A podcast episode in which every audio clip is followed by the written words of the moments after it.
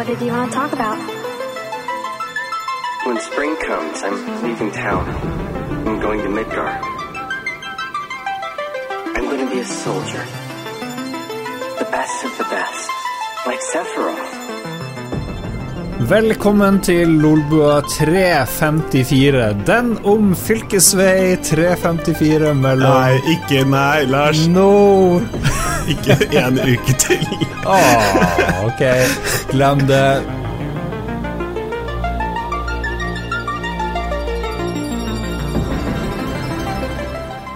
Vi skal lage en ikke-fylkesvei-sentrert Lolbua, og med meg for å gjøre det, så er Mats Rindal Johansson. Yo, yo, yo, yo.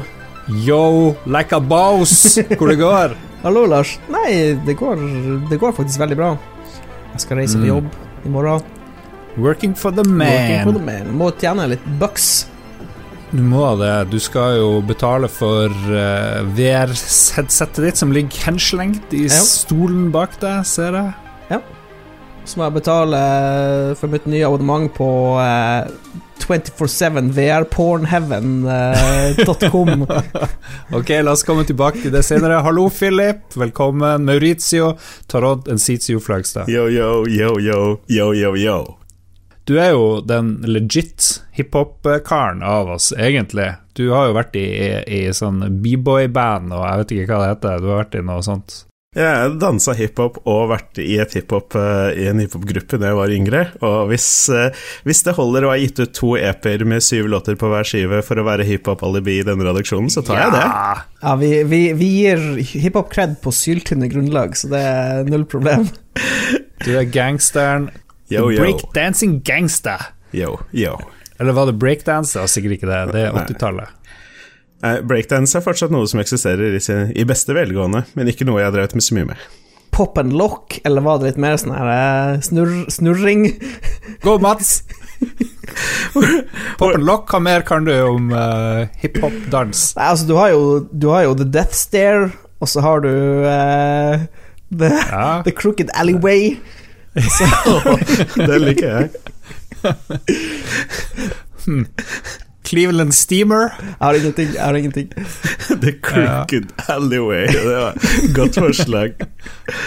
Ja, velkommen skal dere begge være. Mitt navn er Lars Rikard Olsen. Fyller inn som programleder for Klarte ikke å uttale programleder, men noe. For Jon Cato Lorentzen fremdeles i fengsel. Jeg tror han er på en øde øy. Det er det jeg tror. Når du, når du sist spilte inn spillrevyen med han Cato, hva, eh, prøvde han å blinke noe sånn morsekode med øynene, Han eller gjorde var det det. noe Ja. Han gjorde det. Jeg trodde han bare hadde fått tics, at han, for han er veldig glad i Melodi Grand Prix. Ja, altså, jeg, trodde, jeg trodde først at han var i fengsel, men jeg begynner å mistenke på at det ikke er Mm. reelt, og at vi har en eh, vi har en broken arrow-situasjon. Vi har uh, Sjefen oh, vår er kidnappa. Vi har atomvåpen på avveie. Hmm. Jeg tror du må begynne å høre litt nøyere etter når dere tar opp, om du kan høre noe i bakgrunnen, noe, noe lokal dyreliv eller lignende, Så Ja, kan gi deg noe hint på Kanskje noen motorlyder som er spesifikke til eh, en region i verden. Nå tenkte jeg med en gang på The Fugitive. Der hører de toget som går i Chicago. I did not kill my wife! Og den der eh, Hva heter den der eh, Seatech Astronomy? Der hvor det er en sånn blind kar som kan høre at de kjører over sånne asfaltmellomrom i veien og sånt. Den er ganske kul. Ja. Sneakers, 1992. Oh, sneakers. Ja, Holy shit. veldig fin film. Ok, la oss holde det fine tempoet gående, folkens. Hva, hva har vi gjort? Hvem har så lyst å gå først? Jeg har litt sånn kjedelig innhold, så jeg kan godt gå først. Så Mm. Det er liksom som å rive av et plaster, så blir vi ferdig med det. Ja. Jeg har sovet i snitt veldig mye per døgn. Vi snakker, vi snakker en plass mellom åtte og ti tim- åtte og ti timer i snitt per døgn. Oi. Så veldig mye. Det mest sporty jeg har gjort, er at jeg har tatt årets første sykkeltur med min Ja. awesome terrengsykkel. Eller EMTB, som også den kalles. Før vi hører mer om sykkeltur, jeg må bare sjekke at uh, Philip har skrudd ned lyden i headphonesene sine. Har det skjedd i dag? Nei, det gjøres nå. Som vanlig, ingenting blir Ingenting her, blir bortsett, klippet, fra, bortsett fra hvis det må klippes. sånn som da du hadde en rage-session i forrige episode, og vi begynte å diskutere det. Det, det gikk ikke. Jeg bare mist, mista sinnet mitt. Men heldigvis ble den sensuren eh, tatt opp av lytterne, og dermed tatt opp på stream, men uh, mer om det senere. Eh, Åtte til ti timer gjennomsnitt i døgnet, det, ja, det er jo en del. Ja, altså, det var Ti timer i snitt var kanskje å ta litt hardt i, men jeg tipper Jeg tipper ni, kanskje åtte og en halv, ni. Vanligvis bruker jeg ikke sove så mye. Vanligvis ligger jeg nærmere seks timer i snitt, så nå har jeg liksom sovet ut. Går det an å sove for mye? Noen som har forska på det? Eh, Det er sikkert ikke bra å sove for mye, men jeg tror det, Mm. jeg tror det jeg tror det er farlig å sove for lite også, så du skal jo sikkert Ja. ligge midt i der, men åtte timer er liksom dritmye til meg å være. Ja, for det var det jeg tenkte på. Jeg tror vanlige mennesker egentlig sover åtte timer. Tror du det? Nei, det tror jeg ikke. Nei, jeg, jeg sjelden Hvis jeg sover åtte timer, så føler jeg at liksom Å, jeg har sovet mye, tenker jeg. Eller nå har sovet lenge. Ja. Jeg tror det er veldig få voksne som får seg åtte timer hver natt. Det tviler Ja. jeg på. Sover eh, du mer enn åtte timer, så send inn til eh, mats at lolboa.no. Gjør det. Sleep, nå sover jo alle lytterne her plutselig Ja, uansett. beklager for Så- oss. beklager. Så la oss hoppe til Philips fantastisk spennende liv. Eh, Du var, du var jo en fontene av drama sist uke. Du møtte sånn her kvinne på gata som trodde du, du jakta henne. Hun var, hun var the fugitive, faktisk. Det var det det var. Hvilke damer har du antasta denne uka? Eh, ingen utenfor uh, husets fire, fire vegger og med, med tillatelse. Um, jeg har derimot hatt litt mer online-drama den siste, siste uka. Det har ikke vært så ille, det. Jeg skal ikke spille det opp så det var så, var så crazy. Men jeg gikk jo på en liten rant her i, i forrige uke hvor, eh, som lytterne fikk høre, og um, de ble jo ikke utsatt for hele eh, debatten. Eh, Det ble jo sensurert. Det ble dermed tatt, tatt opp senere på stream sammen med Mats. Dagen etter dukka fetthesten opp, kjent fra tidligere Lolbua-episoder. Og vi fikk Ja. diskutert eh, i godt og mente først om nier, som vi skal komme mer tilbake til senere i episoden, og selvfølgelig da om hvor onde Sony er, som skal legge ned PlayStation 3 Store. Og Ja, Ja. det viser ja. seg jo at jeg, jeg, jeg hadde rett, da. Det viser seg jo det, da. ja, du Så- hadde rett. Ja. Ok, Men du er litt på lag med big, big money. Du bare Ja, helse- legemiddelselskapene, de Å, stakkars de, å, de har det så dårlig, og de må jo få penger for Å, vi sånn tjente bare ni 9 milliarder dollar i forrige kvartal. Vi tok bare 10 000 kroner for den medisinen her, ikke sant, som syke folk Ja, ok, la oss ikke gå dit. La jeg oss ikke elsker gå det, jeg elsker det. Sensurert igjen. Philip får ikke lov å snakke lenger denne episoden. Ok, Mats, hvor det går med deg? Nei da, Philip, fortell, har du noe mer du vil ha av hjertet? Vil du rage litt i dag òg? Ja, nei, ikke noe særlig. Alt jeg, alt jeg på å si. Dere har jo vært inne på dette vaksinegreiene allerede. Vi må jo selvfølgelig hjelpe mennesker. Jeg har satt meg litt inn i det, og selv om vi frigir alle patentene, så er det ikke nødvendigvis mulig å få produsert så mye mer pga. Eh, råvarer. Jeg har eh, fått et stort sjokk i dag. Jeg gikk på VG og så at Samantha Fox skal gifte seg med norske Linda. Hun heter bare Linda fra Halden på forsida i VG, eller Er du det på var at hun for er noe. på VG og ikke Se og Hør? Linda fra Halden Nei. er jo en side to-pike, eller hva det heter.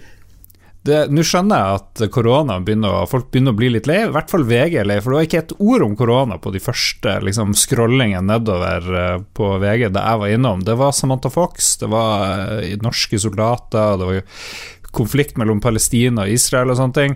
Men den viktigste saken i dag, kanskje hele år, er jo at eh, mitt store idol fra da jeg var liten Jeg hadde jo på veggen, Linda Olsen fra flekka Halden.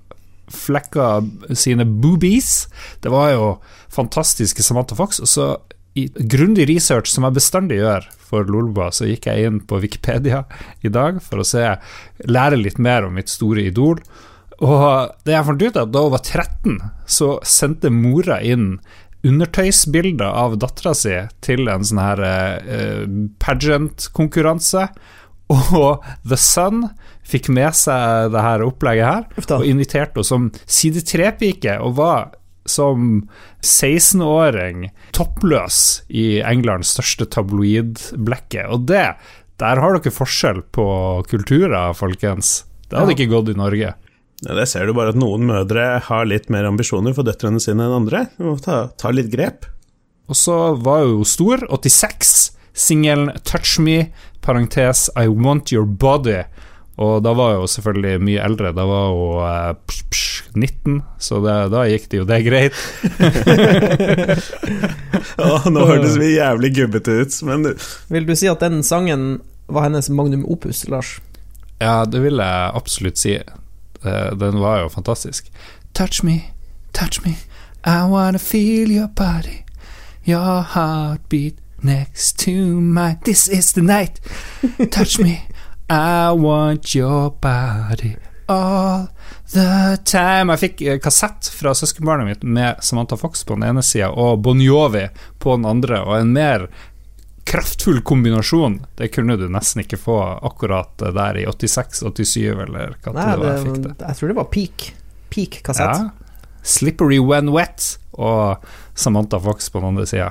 Mamma. Og så tenkte jeg òg, for hun skal gifte seg nå med en norsk kvinne på 46 år, og da tenker jeg kanskje jeg hadde sjans på Samantha Fox. Hun liker Norge.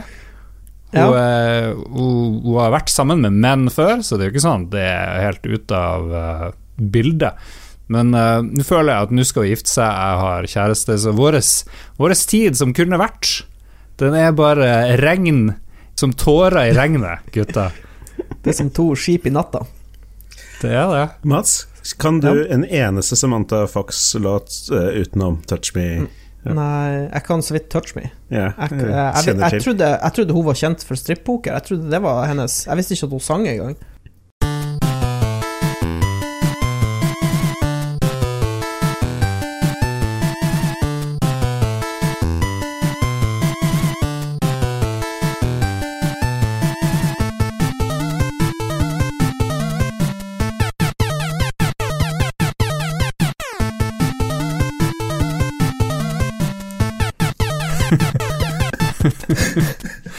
Ok, det le, noen ler i studio, jeg skjønner ikke hva dere flirer av. Er dere Jeg syns det, jeg syns det var jævlig tight eh, gjort, skråstrek tenkt, siden siste seksjon vi hadde der. Det var Ja. en, en berg-og-dal-bane av underholdning.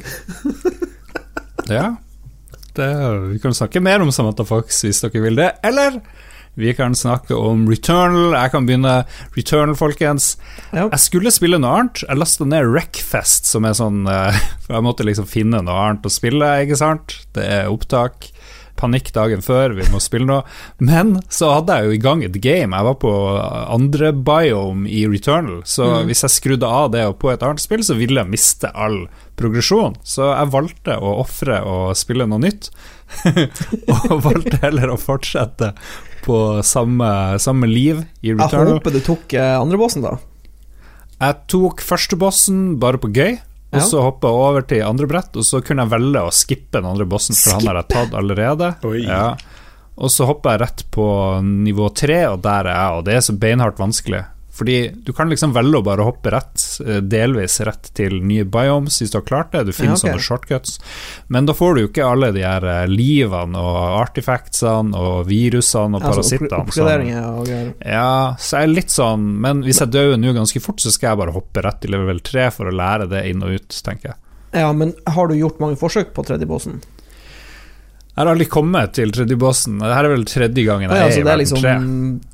Det er liksom gauntleten før bossen som er så, så Ja. vanskelig.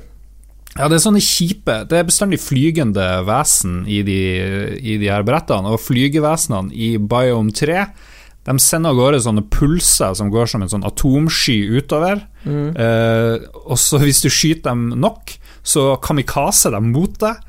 Og i tillegg til det, hvis du lar dem være i fred, så bare skyter de sånne homing missiles, eh, homing-raketter etter deg. Og det er de verste fiendene jeg har møtt i det der spillet. De er forferdelig kjip. Det er sånn at du våkner opp på natta av og til og bare ser en sånn fiende foran deg.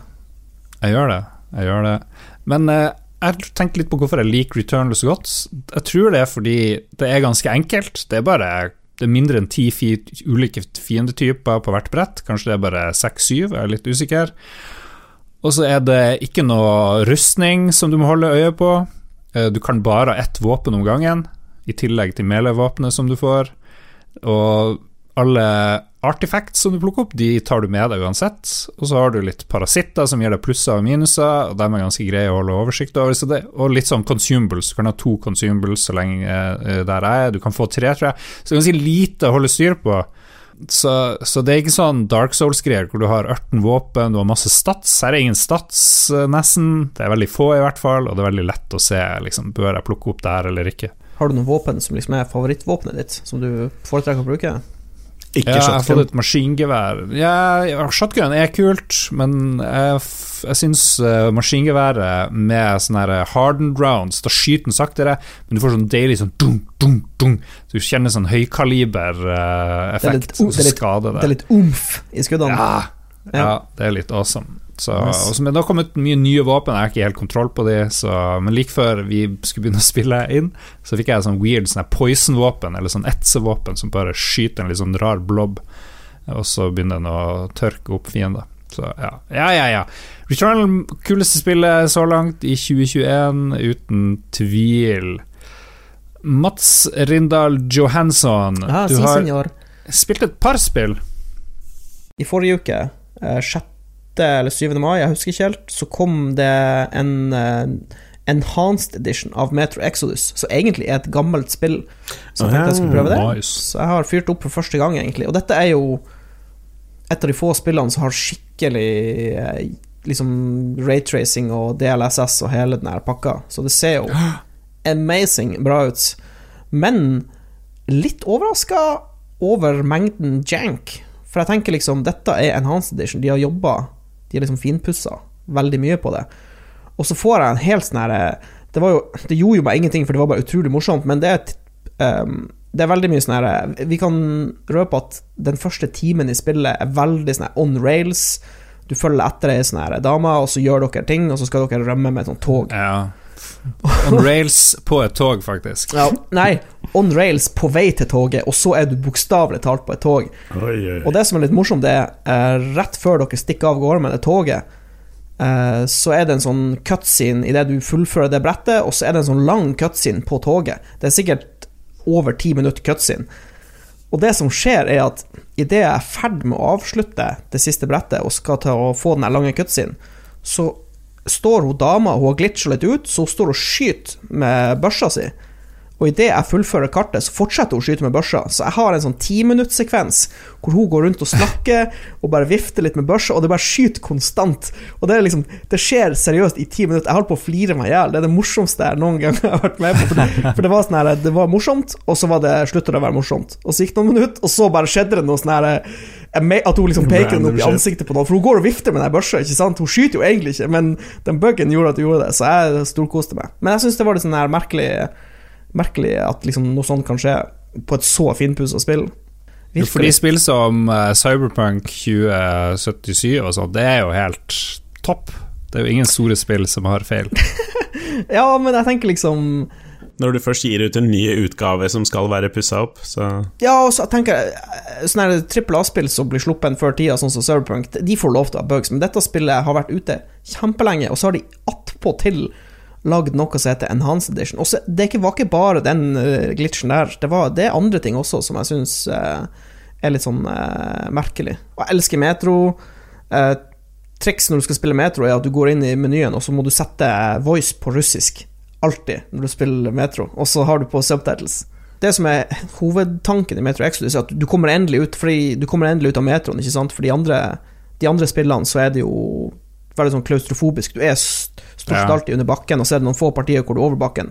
Så tenkte jeg å, nå kommer Metro Exodus, nå skal vi liksom endelig rømme fra, fra metroen.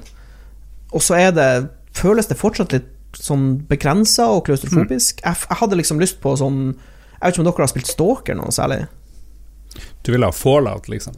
Ja, ikke sant? Jeg vil ha, jeg vil ha litt sånn her åpent landskap og gå meg litt vill og drive og surre litt.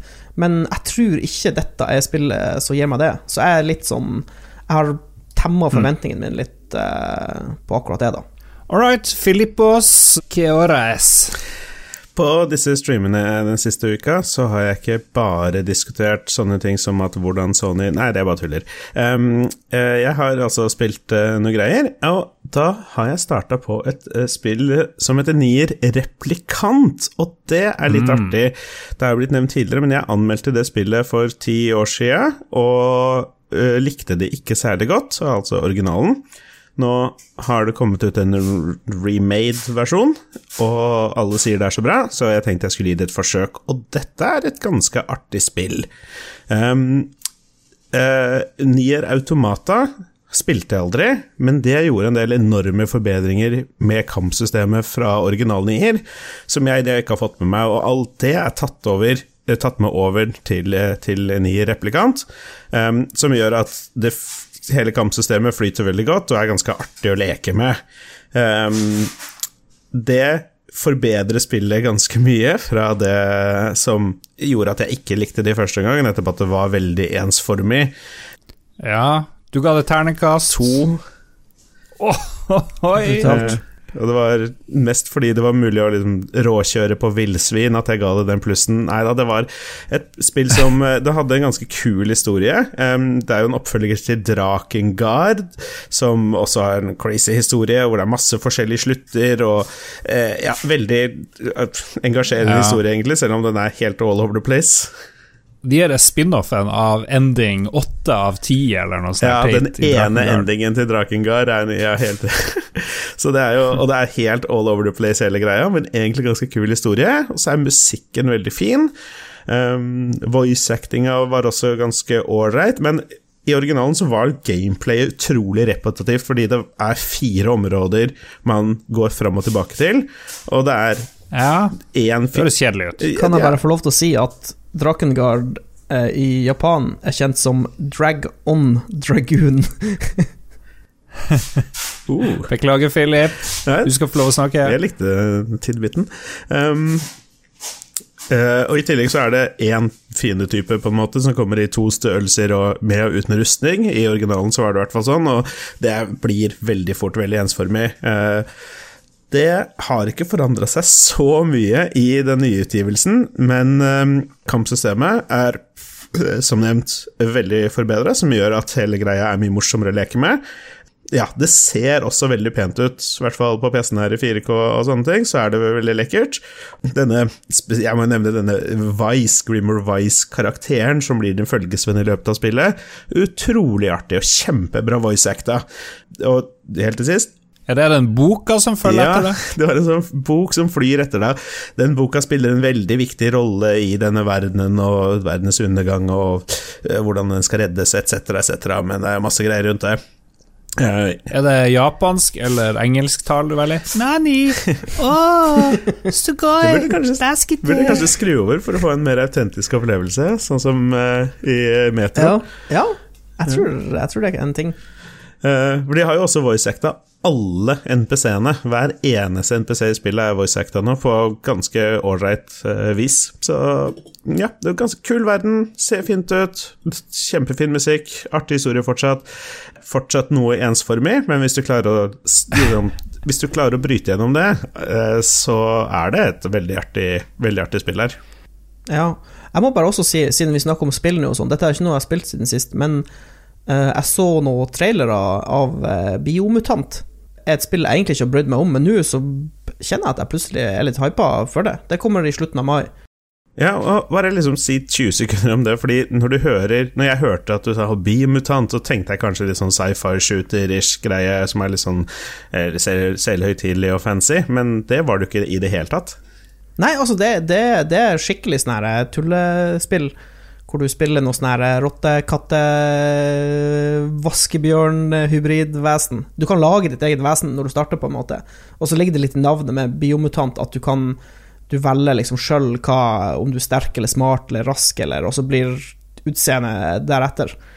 Uh, og så er det Jeg tror de kalte seg sjøl for apokalyptisk eh, kung fu martial arts adventure tjohei, liksom, så det er veldig sånn herre mye greier som foregår. Men ja, jeg, jeg, så noen videoer eh, hvor de viste fram combat og litt sånn, og det så jo helt amazing ut. Så jeg kjenner at jeg er blitt eh, Ja, jeg er om bord på hypetoget til, til Biomutant. Har du prøvd Mutant Year Zero? For det var det jeg trodde det var nesten først. Jeg trodde det var det og Ratchet. Ja, jeg har også blanda de spillene der, men eh, det Ja. Jeg tror ikke de har noe med hverandre å gjøre. Ja, og Nå vet vi hva Mats gleder seg til, men hva gleder du deg til, Lars? Eller skal du bare spille Returnal resten av året? Hvis jeg begynner på et game Returnal, så kan jeg jo ikke avslutte det, for det tar jo faen meg Det tar lang tid å gå gjennom ett run, liksom. Det er litt weird at du ikke kan save og så begynne å spille noe annet. Jeg skjønner ikke, jeg forstår det ikke. Det er litt mystisk. Ja, jeg må si meg enig. Det, fra et sånn gamedesignerperspektiv så virker det litt sånn slemt. At, at du ikke kan bare fortsette der du var, der du slapp, liksom. Når det er såpass lange runder. Når det er snakk Ja. om hvis, hvis det hadde vært sånn her at en, en runde tar 17 minutter, altså 10-20 minutter, liksom, selvfølgelig kan jeg forstå det, men dette er jo snakk om flere timer. Så what the Ja, pussig. Ok, Mats har spilt noe greier, Philip har spilt noe greier, og jeg har spilt noe greier. Sånn oppsummerer vi den spalten.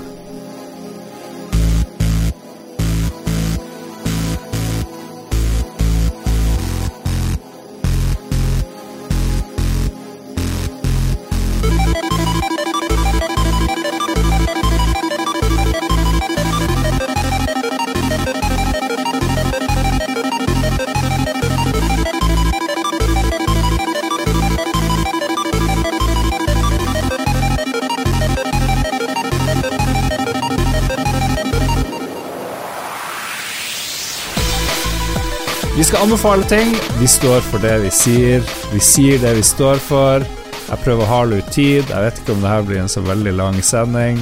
Har dere noe eh, tilfeldig innfall som kan gjøre at det her eh, går over en times eh, Jeg, lo, jeg lover deg at når vi kommer til lytterspalten, så bekker vi eh, 60 minutter pluss. Jeg kan, jeg kan garantere det, Lars. Oi, okay. Det er en Mats-garanti. Ok, anbefaling. Philip, are you the one, spør jeg deg. Og jeg vet jo at du er the one. Du er Neo. Hva du skal frem til her? Jeg er jo en uh, trash reality-TV-kondisør. Ja, PS. Avslutninga av The Circle som vi har snakka om, har du sett den? Jeg har det, Lars. Har du sett den? Jeg har ikke det. Oi. Jeg har ikke det. Innfrir den. Vinn noe dama? Nei, ikke si det. Jeg kan jo ikke si så mye når du ikke har sett den, så dette er det bare til å notere ned til neste uke. For jeg vet det er mange lyttere der ute som er nysgjerrig på vår analyse av finalen. Eh, oh. Veldig artig. Eh, den jeg heier på, vinner ikke. Eh, så kan du gjette dette i resten. Eh, Jeg tror ikke du heier på uh, bimboen fra Storbritannia. Det tror jeg. Jeg. Ja. Kjent fra superhit megatrash reality showet Too Hot To Handle, hvor det er bare masse dumme, deilige folk som setter sammen. De vinner 100 000 dollar, og for hver gang de liksom kliner eller tar på hverandre, så blir det mindre penger i potten. Å gud, er noen Ja. av de menneskene med i The Circle? ja, okay. Holy shit. Jeg, Jeg jeg hun se, fikk med seg ti dollar, eller hva jeg har jo sett uh, Too Hot to Handle. ja hun Chloé, britisk. Oh. Ja. Det er så mye bra reality der ute, og jeg har jo sett disse seriene vi har snakka om nå, og i påvente av Circle-finalen så satte jeg i gang med et nytt show, og dette her er så bra. På en uke så har jeg sett to og en halv sesong, tror jeg. Det er veldig fint å bare ha på skjerm nummer to. Det er så gøy. Det heter da Are You The One? Dette er da ti menn og ti kvinner som settes sammen i den typiske eksotisk sted, uh, meganice, luksus og sånne ting. Um, eh, unge, dumme, fulle av, av hormoner. Um, de kjemper om én million dollar på deling, som er den største premiepotten i MTVs historie, som de nevner i hver eneste episode. Um, men for å vinne denne potten, så må disse 20 menneskene finne sin perfekte partner. For ved hjelp av algoritmer og science så har de funnet en perfekt match mellom hver av disse menneskene. Så i løpet av disse ti episodene så har de da ti sjanser til å finne alle ti perfekte matchene, og det er herlig grobunn for masse drama. De skal finne Ja, jeg skjønner De, ikke. må- de må skal- kollektivt som gruppe få rett match, på en måte. Ja, la oss si da, Eller er det, blir folk eliminert?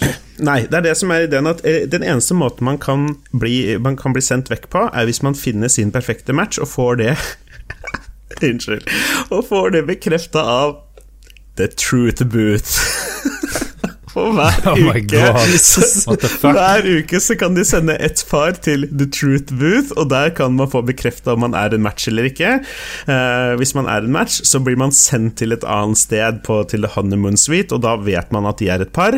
Og utover det, så hver uke så prøver man å matche opp, og så prøver jeg med A, og Mats med B, og Lars med C, og så ser vi hvor mange matcher vi får. La oss si vi fikk én match på oss tre, men vi vet ikke hvem av oss som er en match, og hvilke to par som da ikke er en match. Men hvem er det som bestemmer hvem som er en det er, match? alt det er bestemt på forhånd av en algoritme, og det er det, der hvor det geniale kommer inn. Fordi første kvelden så blir det jo dritings, og så begynner de å hooke opp med hverandre, og så får de følelser for hverandre og sånne ting. Så veldig tidlig så blir det jo gjerne bekreftet at de ikke er et par, men de vil jo ikke slutte å ha sex for det, så da fortsetter de å ha sex samtidig som du prøver å date andre, og så blir det misunnelig, og så blir det bråk, og ja, ja, ja. Mm. Ok, det er lovende. Hvor man ser det her, Philip? De to første sesongene er på Netflix. Eh, det, det finnes åtte sesonger. Dessverre er det oh, ikke mer enn det er på Netflix, men jeg har funnet dem på en britisk streamingtjeneste som heter Now TV, så nå får VPN-en min kjørt seg. Hva det heter for noe? Terrace House har jo avgått med døden etter at en av deltakerne tok eh, livet sitt, så da må jeg liksom finne noe annet. Men det er ingenting som er bedre enn Terrace House, men eh, jeg har trua på Are You The One, jeg må si det. Ja, ta og Sjekk ut det. det. er Herlig trash reality. Mats Rindal Johansson, Hei, For All Mankind sesong to på Apple TV. Ja. Det har du snakka om et eller annet sted før? Har du Jeg har ikke snakka om om? For All Mankind. Jo, jo, jo. Nei. Kanskje det var bare på privaten. Ja, ja det har vi snakka om, Lars. Sensurert nok en gang. hvor, hvor, hvordan skal lytterne våre vite at vi har snakka om en ting, Lars? Dette er totalt uinteressant for meg. Nei, altså, jeg har um, også binga litt eh, TV, men jeg har sett uh, Jeg har sett ikke reality-TV, jeg har sett eh, drama- drama-TV. Drama så jeg moste gjennom sesong én, og så har jeg begynt på sesong to. Og det er litt derfor jeg nevner sesong to, fordi sesong én er all right. Eh, ok bra, men ikke fantastisk. Men sesong to er noen knepp opp på, okay. eh, på barometeret. Det er liksom Det er ikke alle som vet hva For All Mankind er, så det må vi forklare. Vi kan forklare det kort. Eh, Vi holder oss utenfor spoiler-territorium. Men basically, det er en drama-TV-serie som handler om romkappløpet mellom USA og Sovjetunionen, men det er en liten twist. Eh, Aliens? Det er, det er alternate history. Så det, det som skjer i TV-serien, er ikke det som skjedde i virkeligheten. Det er litt sånn her butterfly-effekt, at liksom alt er litt annerledes. Det går, ting skjer i forskjellig rekkefølge, eh, og med litt andre resultater, da. Så det er veldig sånn morsom, ja. morsom vri på eh, Men det må jo være lov å være litt mer konkret enn det. Sovjet lander på månen først, er ikke det en viktig ja, greie? ja, altså det, det som skjer i første episoden, det er jo ikke noe særlig spoiler egentlig for sesong 1, men basically russerne lander på månen før Apollo 11 med han eh, Tom Hanks? Neil eh, Nei, det var 13. Buzz Lightyear, holdt jeg på å si. Men ja, eh, russerne lander på månen og har en, en kosmonaut på månen før Apollo 11 kommer seg, kommer seg så langt. Så det, det er liksom, og da er vi i gang. Da, da alt som skjer deretter, er annerledes, da. Ja. USA takler dårlig at uh, Russland lander først, er det det? De går til krig?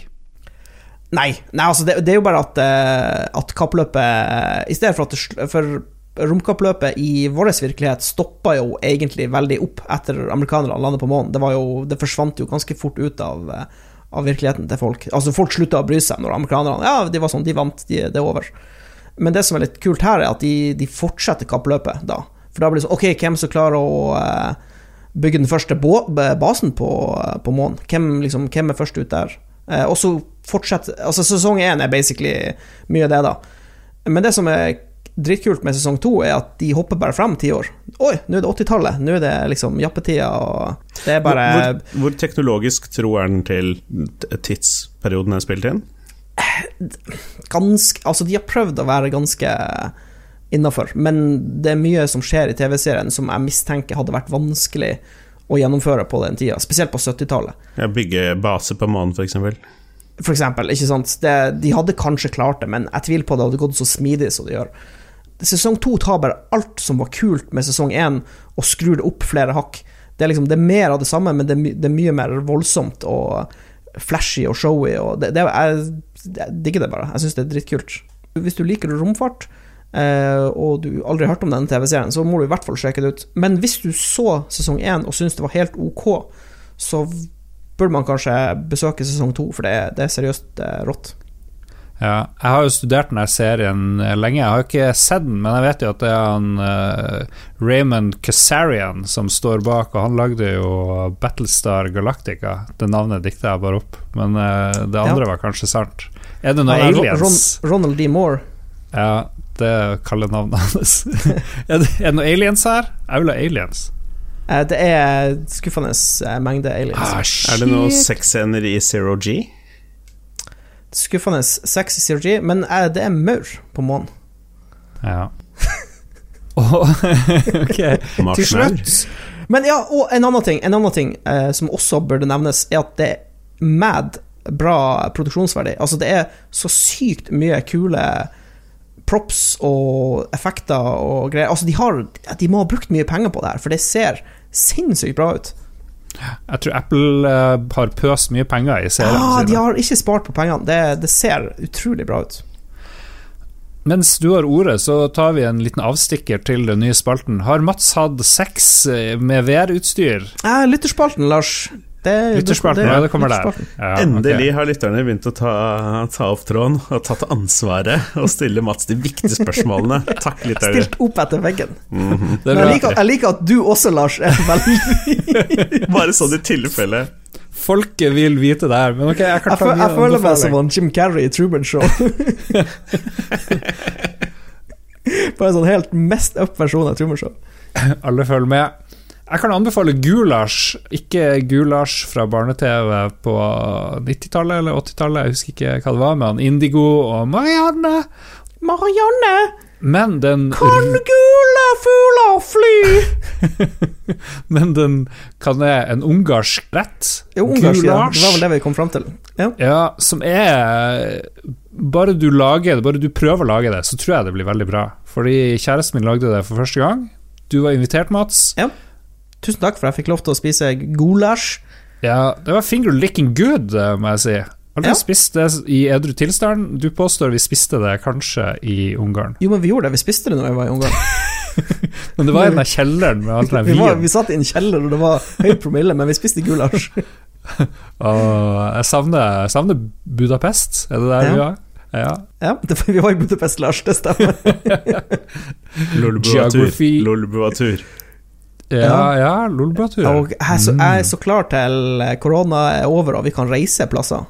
Åh, Gud. shit. Ja, Kan vi, kan, vi ikke, kan vi ikke samle opp Patrion-penger og dra til Hawaii eller noe sånt? Oh, snap. Vi trenger kanskje ikke gjøre Hawaii, men en eh, liten europeisk storby med 24 timer livestream, det, Vi kan, det dra til, vi kan dra til Island og spille inn en episode inni en vulkan. Hvis vi skal bruke så mye Patrion-penger, da må vi jo overføre alt. Nei, Island er jo billig, Lars.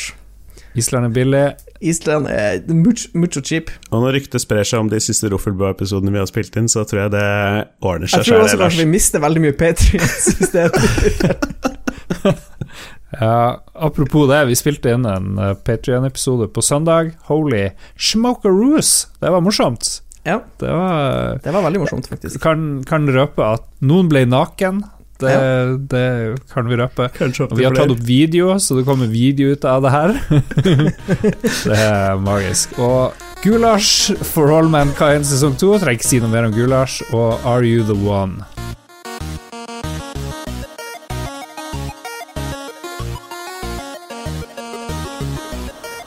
Vi skal i gang med lytterspalten etter at Philip har Jeg henter noe å drikke sjøl. og Mats skal hente noe å drikke. Da er det opp til eh, Lars Rikard Olsen å underholde deg. Jeg kan fortelle om uh, Patrion-opptaket vi gjorde på søndag. Det var en, eh, en versjon av Jeopardy hvor vi hadde 30 spørsmål av ulik art. Og så, for å kunne svare, så måtte vi rope ut noe de andre spillerne hadde bestemt at vi skulle rope ut. Og jeg bestemte at Mats måtte sikte på skjermen, eller kameraet, mener jeg, som om han holder en pistol, og sier kapow. Det var morsomt. Ståle måtte lukke et øye og si arr, mateys, osv. Jeg måtte rope Leroy. Og bare i seg sjøl så er jo det en komifest uten like. Men så er det sånne spesielle regler da, hvor du av og til kan eh, gjøre rare ting. Det, det, er ikke ordentlig, det er ikke vanlig Jeopardy. Og etter hvert så, så, begynner folk å ta av seg klær, da. Du kan kalle det strip jeopardy, og det, det, det fungerte. Det ble en slags Se for deg fem menn sitte naken. Alle var ikke naken da, men uh, ja, ikke langt unna. Sitte samla foran hver sin stream. Det er som en litt sånn gay uh, privatchat. Jeg lurer på om noen følelser blir vekt der. Fordi det er noe annet å se Christian Tjessem sitte med sitt vanlige lange skjegg og caps. Han så forresten ut som en sånn ekstremist fra USA, egentlig. Jeg tror han er i ferd med å bli en sånn hillbilly et eller annet. Men fra å gå fra å være påkledd ekstremist til å være naken ekstremist, det er ganske stor forskjell. Eller hva sier du, Philip? Er det så stor forskjell, egentlig? jeg vet ikke, jeg føler ikke at sånne white power-folk er så mye naken, da. Hva syns, syns du, Mats, er det stor forskjell? Uh, ja. Ja. Jeg vet ikke hva vi snakker om. Her er det to på ja og én på nei. Ja. Vi går på lytterspalten, folkens. Eh, vi begynner med Marius Alnes Sletten, som spør om Pondus som konsept hadde blitt et bra spill. Og umiddelbart så tenker jeg ja, men hvordan spill? Det er jo et fint jeg, jeg univers. Ser, jeg, jeg, ser det for meg. Jeg tenker pek og klikk, sånn à la uh, Sam Max Hit Road og sånn, med Pondus. For da har du, du, du kan ha humor, eh, du kan ha wacky animasjoner. Jeg vet ikke, I got nothing. Det, Ja, jeg vet jo veldig lite om Pondus. Philip, er du dypt inne der? Det er jo handler om en, dust som heter Pondus, som digger fotball, eh, og feil klubb i England. Han har en kompis som er enda dummere, som eh, sjekker opp skikkelig stygge damer når han blir kjempefull, og det er egentlig mye det. Det har holdt eh, Frode Øverli gående i 20 år, og det er jo gøyalt, det. Um, jeg tenker også litt det samme som Mats, at det er litt sånn cartoon i spill, men det er jo fordi det er en tegneserie, En tror jeg. tegneserie, ja, Eh, ikke sant? Pondus gjør jo ikke noe særlig spesielt. Den eneste han kan, er jo, litt, er å spille fotball dårlig oh. og være bartender. Nå fikk, jeg et, eh, nå fikk jeg en annen idé. For liksom, jeg tror mange forventet pek og klikk-spill siden det er en tegneserie. Hva hvis du går en helt annen retning og lager sånn her ultravoldelig first person shooter? Sånn helt sånn komisk voldelig, med sånn her folk eksploderer og bare blir revet i småbiter, og bare helt sånn her psycho over the top. Ja. Jeg er med på den liksom. der uh, Sam Max-ideen, men jeg tenker òg kanskje en sånn samling minispill à la Infogrames på, på 80- og 90-tallet, med nord og sør. Mats sovna den ideen. Småspillet ut, pek og klikke inn. Jeg, tror vi må, jeg tror vi må lage en type barsimulator, der du driver baren til Pondus med alt det som kreves av Jeg personalansvar trodde han og var bussjåfør. økonomisk Har han fått seg en bar nå, plutselig? Nei. Men hvordan var det igjen, da? Jeg, jeg tror det kanskje skjedde i en eller annen sesong, holdt jeg på å si, at han Oh, kjøpte shit. den baren. Spoiler! Nei, eller Ok, wow. Oh shit. Men ok, hvis det hadde vært USA, da hadde jo Pondus vært et spill for lenge siden. Og en tegneseriegreie, og Eller ikke tegneserie, tegnefilm. tegnefilm. Hvor mange, hvor mange Snoopy-spill finnes det? Det fins garantert ett Snoopy-spill. Ja, jeg tror faktisk det finnes et Snoopy-spill. Det var et dårlig eksempel. Jeg Det beklager. finnes sikkert noen Garfield-plattformer også. Ja, ja. Det finnes jo en million sånne. Jeg nekter å tro at det er feil. Christian Tjessem spør et eller annet, Philip.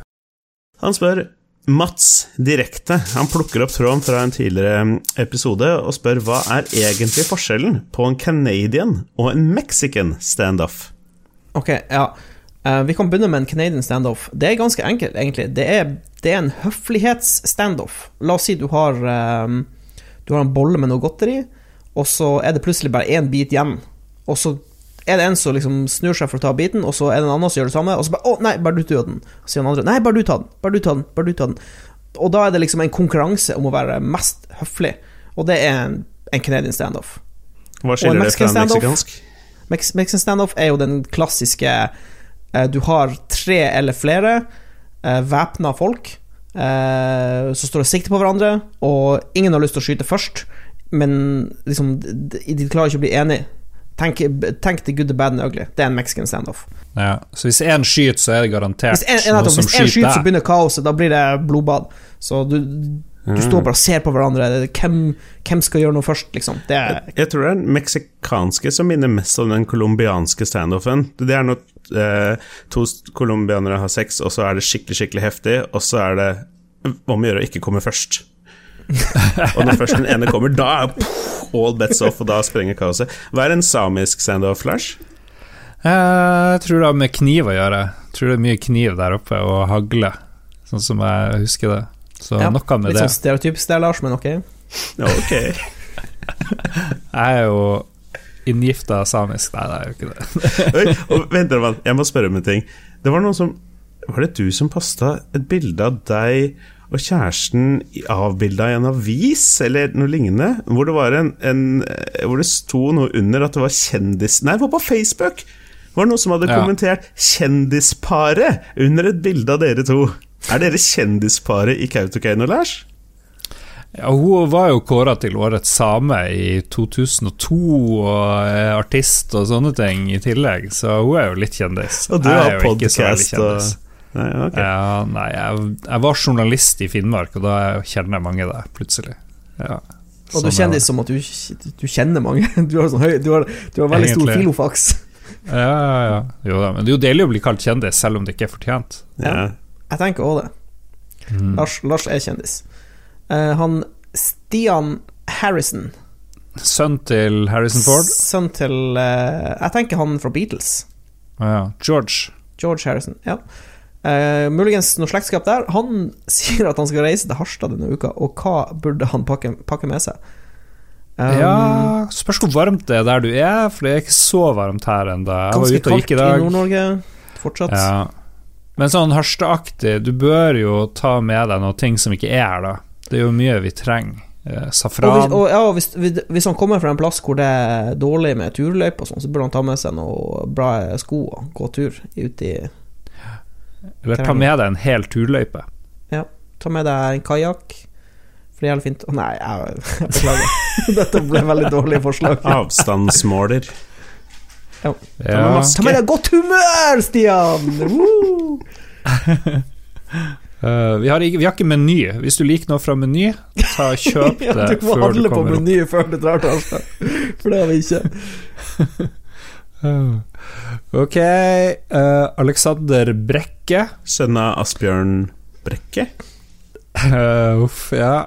Dilemma. Ville vi helst hatt Steelboy, det er jo Ståle sitt skeive skjegg, eller KK Christian Tjessem sin talefeil, som ikke kan si R-lyd ordentlig? Og Alexander kan ikke skrive ordentlig, så right back at ya, eh, Alexander. Jeg, jeg syns jo det der eh, språkmobbinga av Christian Jeg syns ikke jeg er kul, egentlig. Det, det, han er født sånn. Det er som å drive og mobbe eh, de andre i redaksjonen for å være seriøst overvektig. Det er jo ikke hyggelig. De gjør jo det, da. De gjør jo det også, mot hverandre. Jeg, men jeg, jeg, er litt, jeg er litt med, Lars. Jeg begynner å få litt dårlig samvittighet for alt Kristian får gjennomgå i av eh, både i Ragequit og i kommentarfeltet her. Eh, sin talefeil er bare sjarmerende. Steelboys sitt skjegg er bare skjevt. Ja. Jeg, jeg, tenker, jeg tenker jeg vil kaste en liten curveball her. Kan jeg få, lov, kan jeg få begge? Oi. Kan jeg få Ståle sitt, sitt skjegg og Christian sin talefeil? Jeg tror det blir en, eh, en banger av en eh, karismapakke. Ikke kall det ta talefeil, kall det talevariasjon. Går for skjegget. Jeg har ikke lyst til å skifte dialekt, men jeg tar gjerne et skeivt skjegg. Det gjør jeg. No problem. Ja. Han Øystein Reinertsen lurer på hva vil vi kalt eh, selvbiografien vår? Det er et godt spørsmål. Det likte jeg. Ja, jeg vet ikke. Min, jeg tror min selvbiografi blir eh, tørr, tørr som faen. Det, det kan være navnet på den! Tørr som faen. Tørr som faen! Istedenfor Ja. trist som faen. Ja, det fungerer! Det fungerer. Men er du veldig tørr? Det tenker jeg jo ikke. Jeg er ikke Men det, at da. du aldri Det- blir våt? ja, Har du, nei, bruker du mye fuktighetskrem? For det første så føler jeg det er veldig tidlig å skrive en selvbiografi. Nei, nei, nei, det er jo masse Jeg er sikker på at Greta Thunberg har skrevet to selvbiografier allerede. Jo, men hun har jo liksom Hun har jo, hun har jo levd, Lars. Hun har jo levd. Du er jo ferdig med den første tredjedelen av boka uansett, du kan jo skrive den. Jeg kunne kalt den Norwambian, som er Norwegian og Colombian kombinasjon. Det er en veldig god sammensetning av ord. Norwambian. Ja. Det sklir av tunga. Norwambian. Eh, unikt og fint, og beskriver meg fint. Jeg er jo tross alt en colombianer i Norge. Um, men jeg tror det åpenbare svaret er Philip med F. Jeg går for uh, uh, livet med enorm penis. Spørsmålstegn. Spørsmålstegn. Utropstegn. Utropstegn. Spørsmålstegn. Men ok, hvis vi skal gi navn til selvbiografien til hverandre Det kan jo være litt Ja, nettopp. Nå snakker vi, ikke sant? Oh no. Jeg tenkte det var noe våpenrelatert til Mats, sånn 'aiming down the sights of life', eller Jeg vet ikke. Ja, Philip har jo et uh, usedvanlig stort selvbilde, så jeg tenker at det må, det må være noe litt grandiost, tenker jeg. Ja. Cumbrian eller Norwumbrian, det holder ikke i lengden. What the fuck er det, liksom? Må ha slik, slik blir du perfekt, eksempel. At, ok, Lars sin selvbiografi eh, Jeg tenker Mitt liv med enorm penis, det, det, det er ikke ok. Så, så jeg tenker et, et, et liv med løgn, tenker jeg. Oi, oi, oi. Ja, det er bra. Ja. For da, men det er også litt sånn det, det, det passer deg som journalist, ikke sant? For det er litt sånn clickbait i tittelen. For da blir du nysgjerrig. Å, hva er det han har løyet om? Ikke sant? Og så er det nødvendigvis ikke et liv med løgn, men du har fått folk til å kjøpe boka di, så du har vunnet sla, slaget allerede da. Livet Ja. med løgn, parentes, spørsmålstegn, utropstegn, parentes, slutt. Yes. ja. Og Mats sin bok, har du noe godt forslag der, Philip? Eh, vi har guns, vi har olje, vi har eh, ja, VR-porno. VR-porno på 1, 2, 3. Der har vi det, der har vi det, gutta. Hva er neste? Stian A. Skjerven Han har kasta oss en liten curveball denne uka her og spør om en litt røff en. Hva er deres Ja. absolutt laveste punkt i voksenlivet hittil? Og det sånn mørk, mørkt Ja. spørsmål. Ja, Jeg, jeg vet ikke om eh, Jeg lurer på om det er vanskelig for oss å si det om vårt eget liv. Liksom. Se, vil, du, vil du se det? Ditt laveste punkt? Ja. Eller trenger du noen fra utsida Han- han-.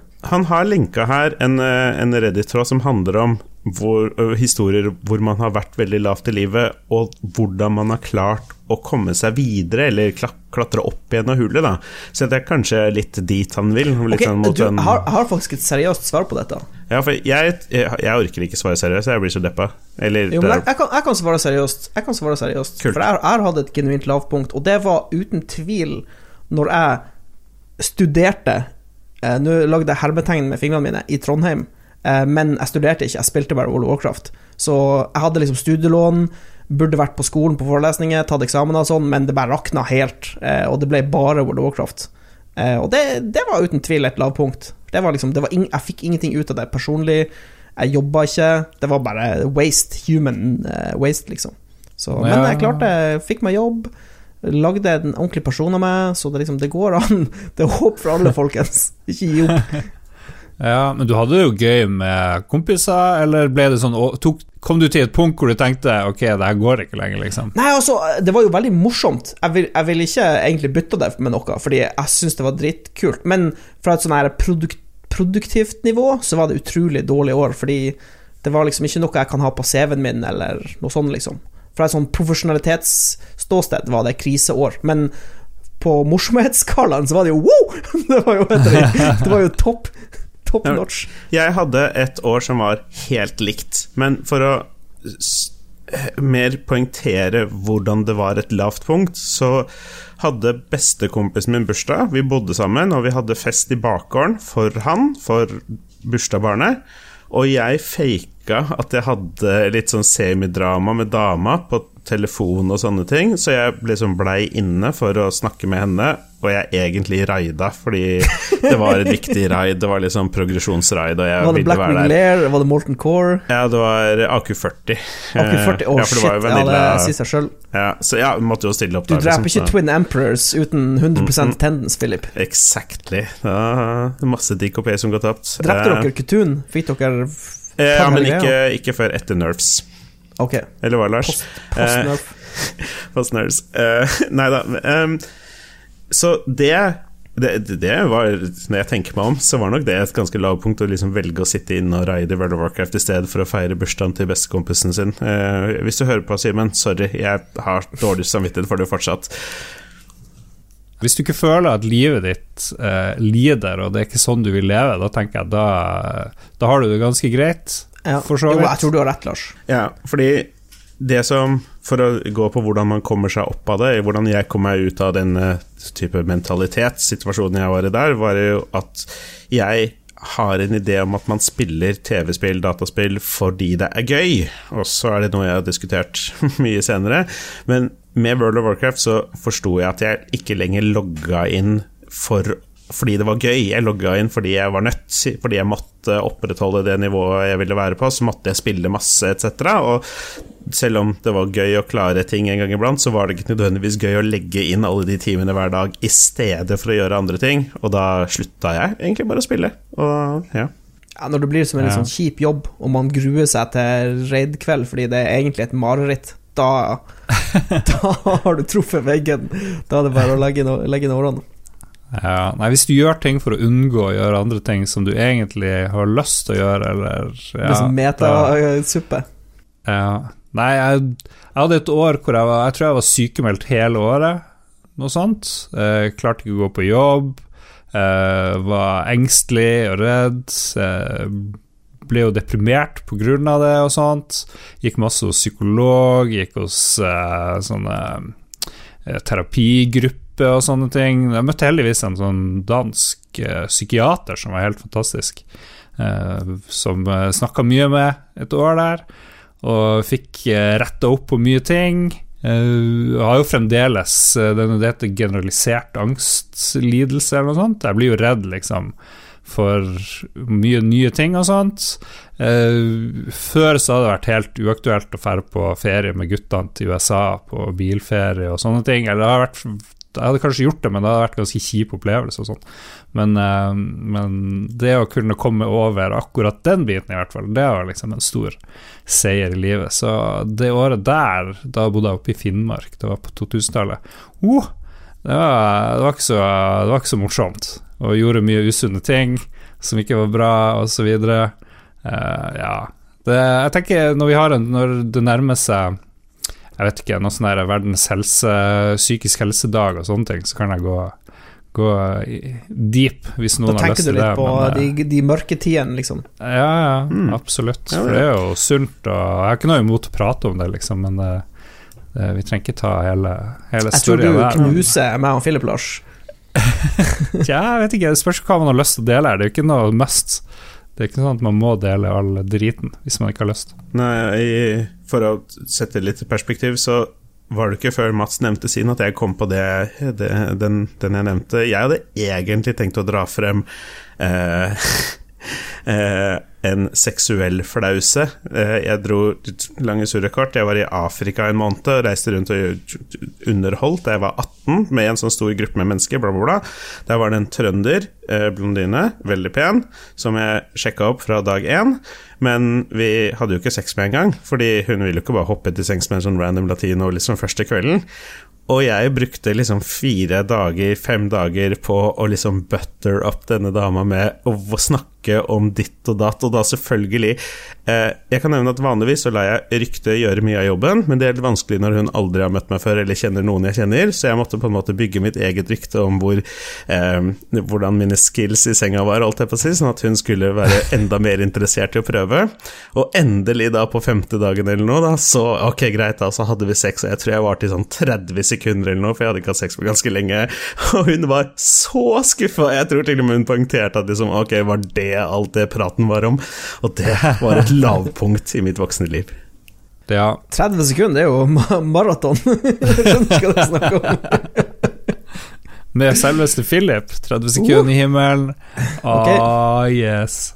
Ok, vi ploger videre. 30 sekunder for lenge. Stian Mæland. Eyo, hvis vi kunne ha bytta livene våre med noen andre i redaksjonen, hvem hadde vi valgt å bytte med? Og hvem er den siste du ville bytte livet med? Faen, dette er litt slemt spørsmål, Stian, det må jeg si. Ja, Den ene delen, ene delen er jo ganske koselig. Eh, Du, snakker vi utvida redaksjon nå, eller snakker vi hele Ja, ja, vi- Corporation? Ja, vi Vi snakker Loom Corp. utvide. Vi tar Hele Loom Corp. Med Ja, Ragequit? Ja, ja. Ok, uh, hvem som er yngst av alle oss?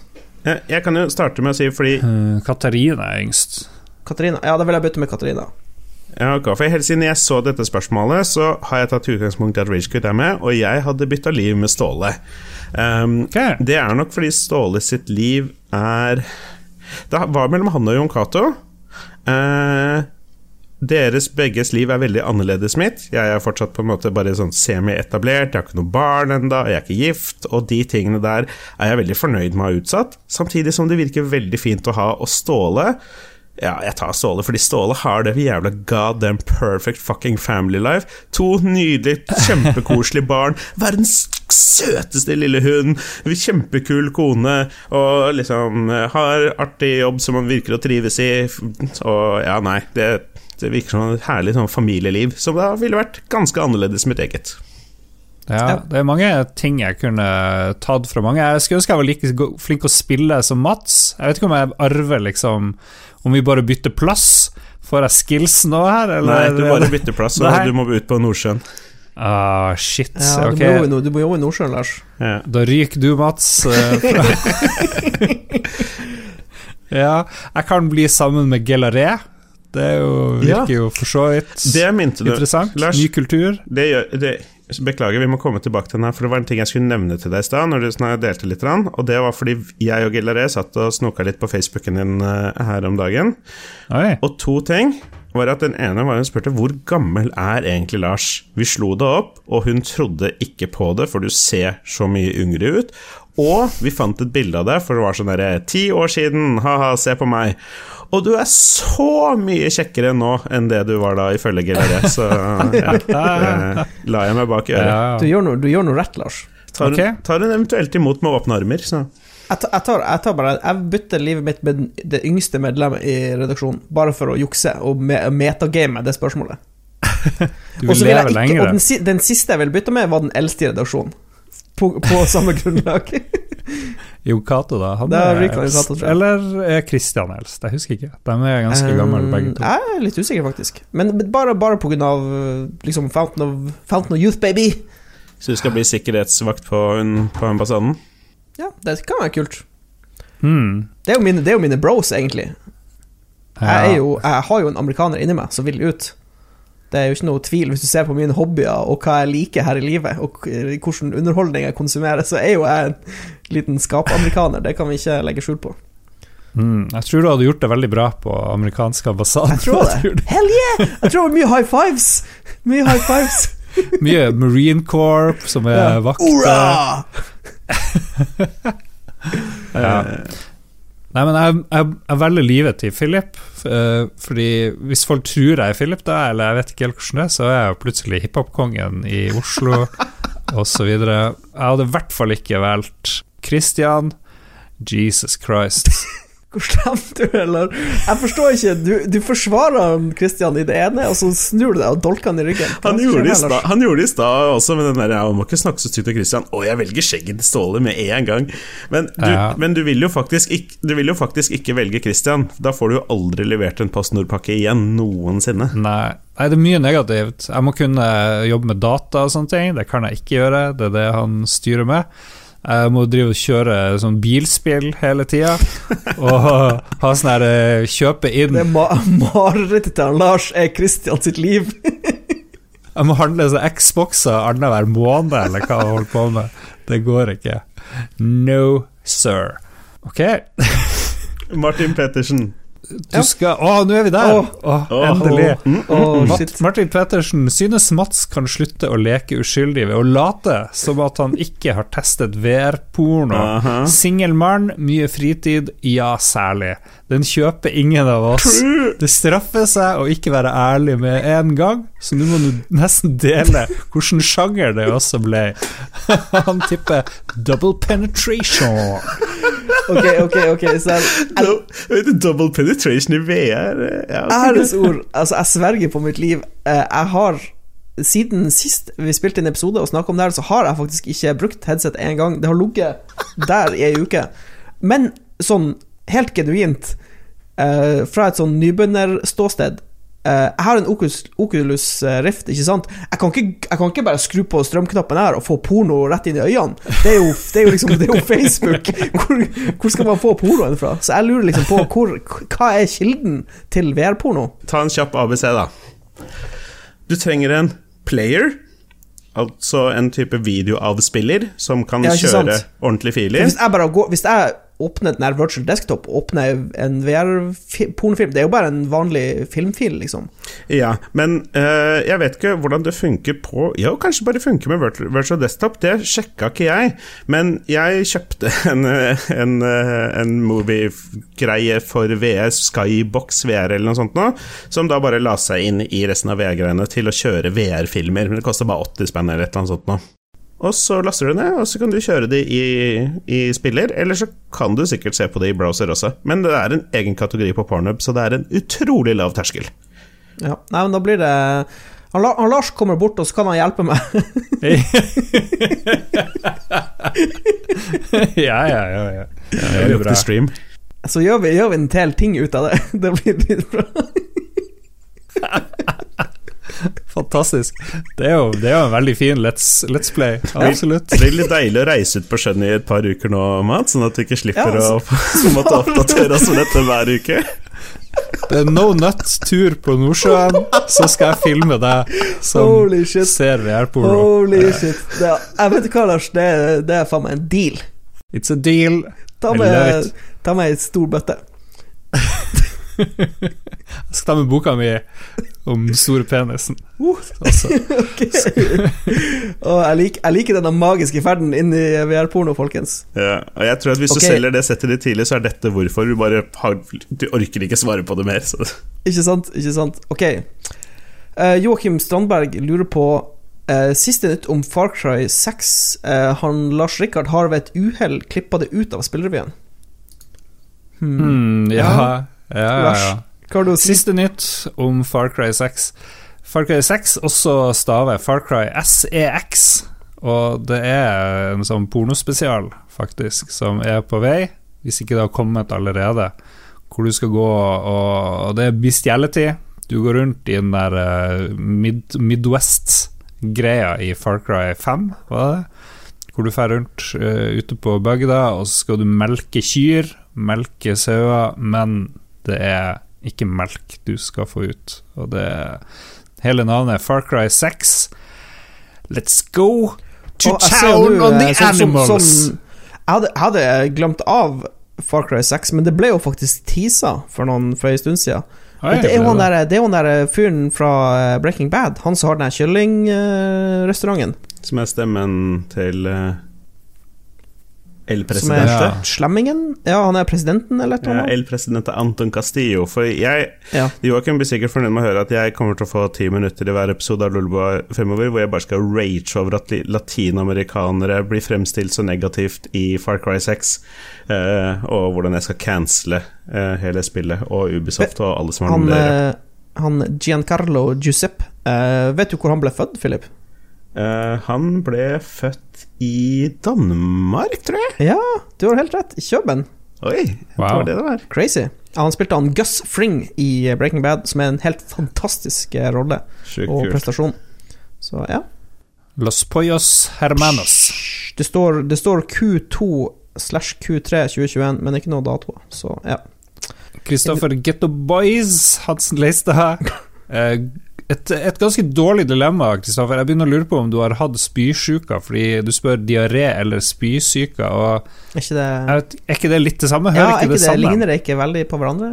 Nei. Når jeg hadde norovirus, eh, som også kalles spysjuka, så kom det ut alle veier på en gang. Ja. Da var det bare wow! Men da er det jo liksom Hvis du må velge mellom eh, både hver ende eller bare diaré, så er det jo diaré selvfølgelig man velger, for det er jo bare en av holdene. Ja, for jeg, jeg leser den her som enten du er sjuk på den måten at det kommer masse ut av rumpa, eller at det kommer masse ut av munnen. Ja, ok. Ok, ja, ok, ok, ok, ok, ok, ok, ok. Ja, men da tror jeg Da velger jeg diaré hver dag. Jeg velger Fordi, og, diaré og kaste, 24 timer i døgnet. Altså, det å kaste opp er noe av det verste som skjer. Spesielt ja, men, hvis det blir sånn at du, at du, kaster opp så mye at du til slutt ikke har noe å kaste opp, så du bare brekker deg og bare spenner magemusklene og hater livet. Men hvis vi remikser det til du må ha spysjuka eller diaré en halvtime hver dag Og Ståle sitt skjegg. på random tidspunkt Og Ståle sitt Både skjegg. foran og bak. En da- halvtime med spysjuka eller diaré hver eneste dag, hva velger Da dere da? velger jeg livet til Katarina. Men jeg tenker at hvis du, hvis du er på kino, så plutselig får du diaré, eller plutselig er du på middag Det er jo bedre å bare puke enn å liksom soile dine er- pants. Er det det? Er det det? Ja, er det det? Er det det? Jeg tenker hvis du har veldig tjukke bukser Du kan gå med bleie. Ikke sant? Det å, Ja. det å kaste opp er veldig voldelig. Ja, det er veldig Det tar mye oppmerksomhet. Mm. Eh, Oppfølging fra Getto Boys. Hva er den beste materien i Final Fantasy 7? Holy shit, nå fikk jeg déjà vu til i går. Ja, det var uh, jeg, Ah, jeg- det Den den jeg- jeg- gjenganger. Jeg stilte spørsmål til Ragequit, og Ståle tok det opp for å smiske med meg i går. Det var, det var, det var verdt 100 poeng, det var det. Uh, det er masse kul materie. Uh, det er masse OP-materiekombinasjoner. Eh, Sju ganger mime og, eller åtte ganger mime og Omnislash og sånne ting. Men min mer casual favoritt er Final Attack kombinert med uh, Phoenix. Master-materia begge to, selvfølgelig. Hva syns dere? Liker dere den? Ja, Ah, jeg syns det der var solid, solid valg. Ja, for da, resses du hvis du dør, er det det betyr? Ja, Ja. helt korrekt. Final attack gjør da at hvis du dør, så gjør du dette som et final attack. Og Phoenix eh, gjør da at du, ja, alle dine eh, døde kommer tilbake til liv. Ok. Ja, kult. Spillinnhold i eh, lytterspalten. Ja, han Apropos lytterspalten, han Thomas Holmedal lurer på hvordan ville TV-programmet til Lolbua sett ut? Ja, vi har jo snakka litt om sånne her ting før. Vi har snakka om en sånn special på hytta, hvor vi gjør et eller annet. Jeg tenker vi må ha noe sånn eh, Men skulle vi bruke ekte TV-program, eller våre egne fiktive TV-program? Det blir jo et eget Lolbua-TV-program, tenker jeg. Ok, jeg tenker vi, vi må ha noe VR-porno på, på, inne på dokkinga her. Jesus. Og så, og så tenker jeg vi kan ha noe sånn her Vi kan ha eh, noe med meg og, og oppe på skytebanen. Det må jo være en sånn lettbeint underholdning. Sånn Lett på en skyteunderholdning. Ja. Ja, ja, ok, ja, for nå ser vi for oss på en måte et litt sånn reality-aktig show med innslag fra hverandre, hvor vi viser frem hverandres aspekter. Altså drømmen, drømmen min, hvis vi kunne liksom Hvis vi kan velge, så vil jo jeg rekonstruere Topshot med alle i Lolbua. Så i stedet, i stedet for at det kommer masse flinke folk som er gode å skyte, så kommer dere, og så skal jeg liksom prøve å geleide dere gjennom og finne ut hvem av dere som er best å skyte. Det hadde jo vært Ah. amazing.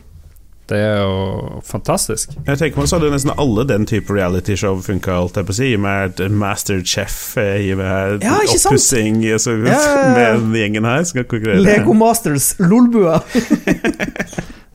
Jeg går for at alle må bytte jobb en uke. Så plutselig må Mats være paramedic. Oh, jeg har, jeg har løsninger Jeg har paramedic-løsninger. Jeg stikker tommelen min inn i alle sårene for å stoppe blødninga. Jeg ville putta krutt inn i alle sår og tent på. Uh, ja, Funker på film. Ja, ja. Ja. Eller så bare putt oss inn i en svær mansion, som er alle rom er fullstendig overvåka, og så er det noen kule rom, og så noen kjipe rom med køyesenger, og så bytter vi på hver uke, eller noen konkurranser eller noe sånt. Da. Det blir bra. Mange muligheter. Vi trenger bare et større budsjett, så kan vi få alt det her eh, realisert. Apropos det, eh, patreon.com slash Nei, nei, jeg tuller. Enger Emilie Sol... Nei, Trond Trollestad har vi først, vår resident troller. Han spør hva blir Podgate, og hvorfor er Lolbua involvert?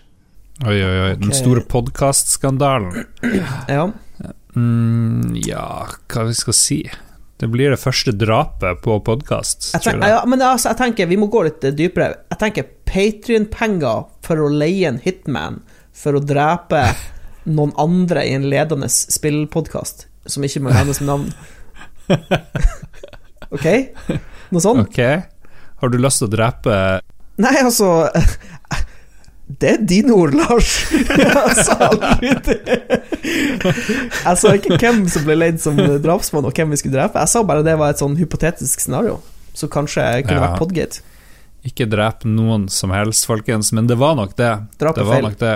Heldigvis så feila alt fordi du prøvde å leie Ja, jeg vet ikke. For det første, eh, Lars, så har ikke jeg ja. tilgang til Patrion-pengene, så det må være Jon Cato eller du som gjør dette, bare sånn for ordens Ah, skyld. Du, du social engineerer tilgang til pengene, så, okay, okay. men så leier du Hvem er den dårligste assassin vi vet om? Thomas Quick, tenker jeg. lever han fortsatt? Jesus lord. Han tar på seg skyld, i hvert fall. Jeg tror vi må gå videre til neste spørsmål. Ja, for jeg tror ikke det blir noe Podgate. Alle i Podgate Norge, eh, Podcast Norge er altfor alt for høflige og snille mot er hverandre vi er en uansett. snill gjeng. Ja. Det kommer jo, det kommer jo en skandale. Kan jeg få lov til å være venner med alle i spill, Norges eh, spillpodkast? Og så kom jo Ingrid Milje Solheim. Har vi sett Matrisen 1, Matrisen 2 Eller nei, jeg må ta det på nytt. Har vi sett Matrisen, Matrisen 2 eller Matriseomdreiningene? Og hvilke andre filmtitler er det ikke greit at man oversetter til norsk? Eh, Et fantastisk uh, Jeg likte Matriseomdreiningene, for jeg forstår at det var Matrix Reloaded. Revolution? Revolution, er det Reloaded. kanskje?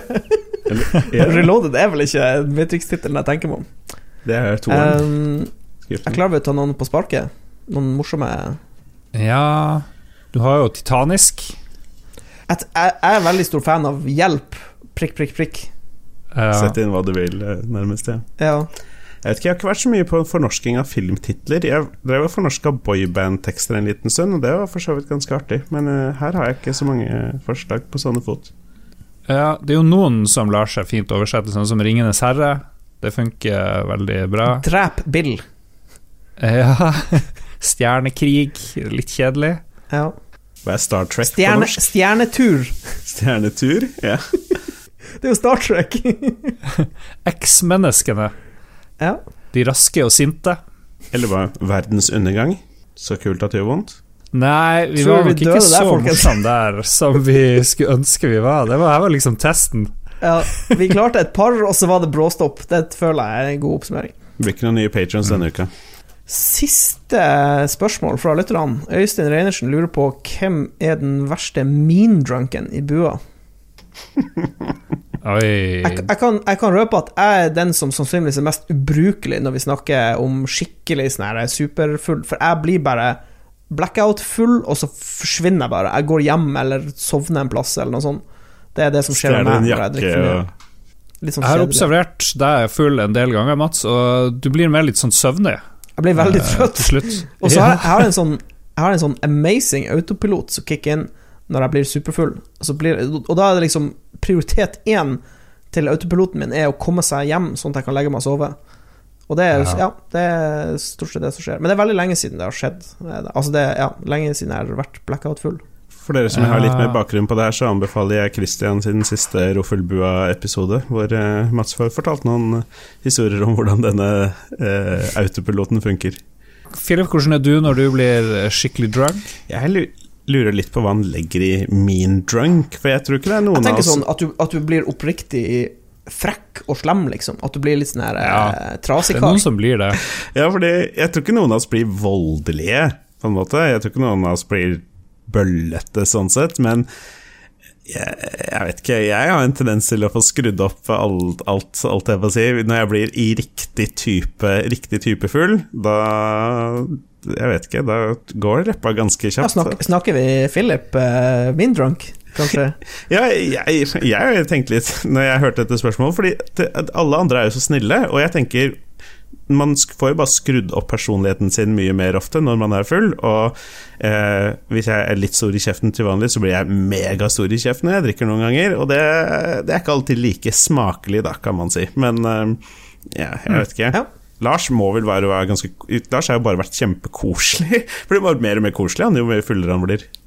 I min erfaring. Tja, jeg vet ikke. Kan nok ha gått på en smell, eh, sånn sett, men det er ikke Jeg vet ikke, Mats. Her Har jeg blitt skikkelig Nei, altså, jeg, det, det eneste som jeg kommer på Da var ikke jeg til stede engang, men da ble du litt sånn her eh, Du var litt ferdig med noen, kan vi si. Du var litt sånn Lunta ble litt kort, kan vi si. Men det var, med, det, det var sånn én av tusen eh, Lars er fulle-episoder, så eh, Mm. eh, Lars er snill i fylla, tror jeg vi kan si. Ja. Hva med resten av gjengen her? Ragequit og Jon Cato? Katrine? Dr. Thomas er bare morsom i fylla. Han er, han er bare han, han Det er bare shenanigans all day long. Det er bare veldig morsomt. Han gjør syke ting, liksom, men det er bare for underholdning og for å liksom bre, spre god, god stemning. Eh, Ja. Ståle tipper jeg også er ganske, chill, er ganske morsom i fylla. Ja, men Ståle er sånn uh, uskrevet blad der uh, i Ja. Superfilmen. Oh, vet du hva? Jeg tror, vi har en liten, jeg tror kanskje vi har et lite wildcard i han Christian, for han kan bli litt sånn her eh, Jeg husker han ble veldig hissig på den her grovhetsskalaen når vi var hos han Jon Cato. Så jeg tror Ja. kanskje vi har et lite S i ermet der på Jan Christian. Ja, hvor mye fiber det er i brød og sånt. Jeg tenker hvis du, hvis du hvis det dukker opp et emne hvor han bryr seg veldig mye, så tror jeg han kan bli veldig Veldig engasjert. Veldig engasjert. Mm. Da var vi ferdig med ukens LOL-bua. Vi har tatt opp i halvannen time. Vi får se hvordan det blir. Jeg tror det blir ganske likt. Ferdig lengde. Uh, akkurat nå fikk jeg melding fra Ståle at uh, nye Roffelbu er ferdig. Push den ut, sier han, så den er nok ute når dere hører det her. Så det er en liten, liten quick surprise. Apropos Ragequit, hør på Ragequit, folkens. Eh, De er veldig artige nå for tida. Hør på Likos univers med Gjeddefiskeren.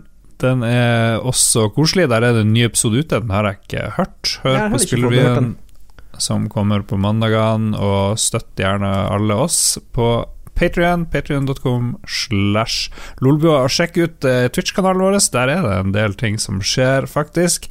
Takket være egentlig nesten bare Philip, Toront, Maurizio etc. Nå stokka det om, jeg Et cetera, et cetera. Jeg har, jeg, har, sagt det rett. Og følg med om noen uker, for da blir det VR-porno spesial. Jeg gleder meg. Det blir muligens en Patrion-only-ting. Eh, vi får se. Vi snakkes om en uke, folkens. Ha det bra. Ha det bra. Og det er jo ingen episode av Lolbua uten at vi takker våre patrions, og ikke minst våre produsenter.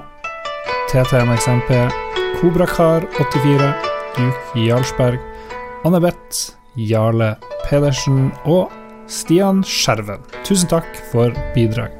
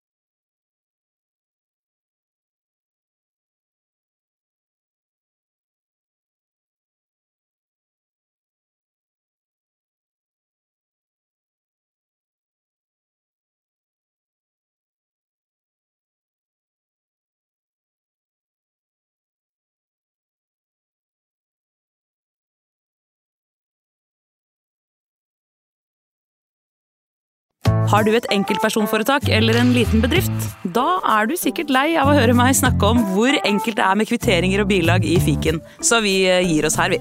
Fordi vi liker enkelt. Fiken superenkelt regnskap.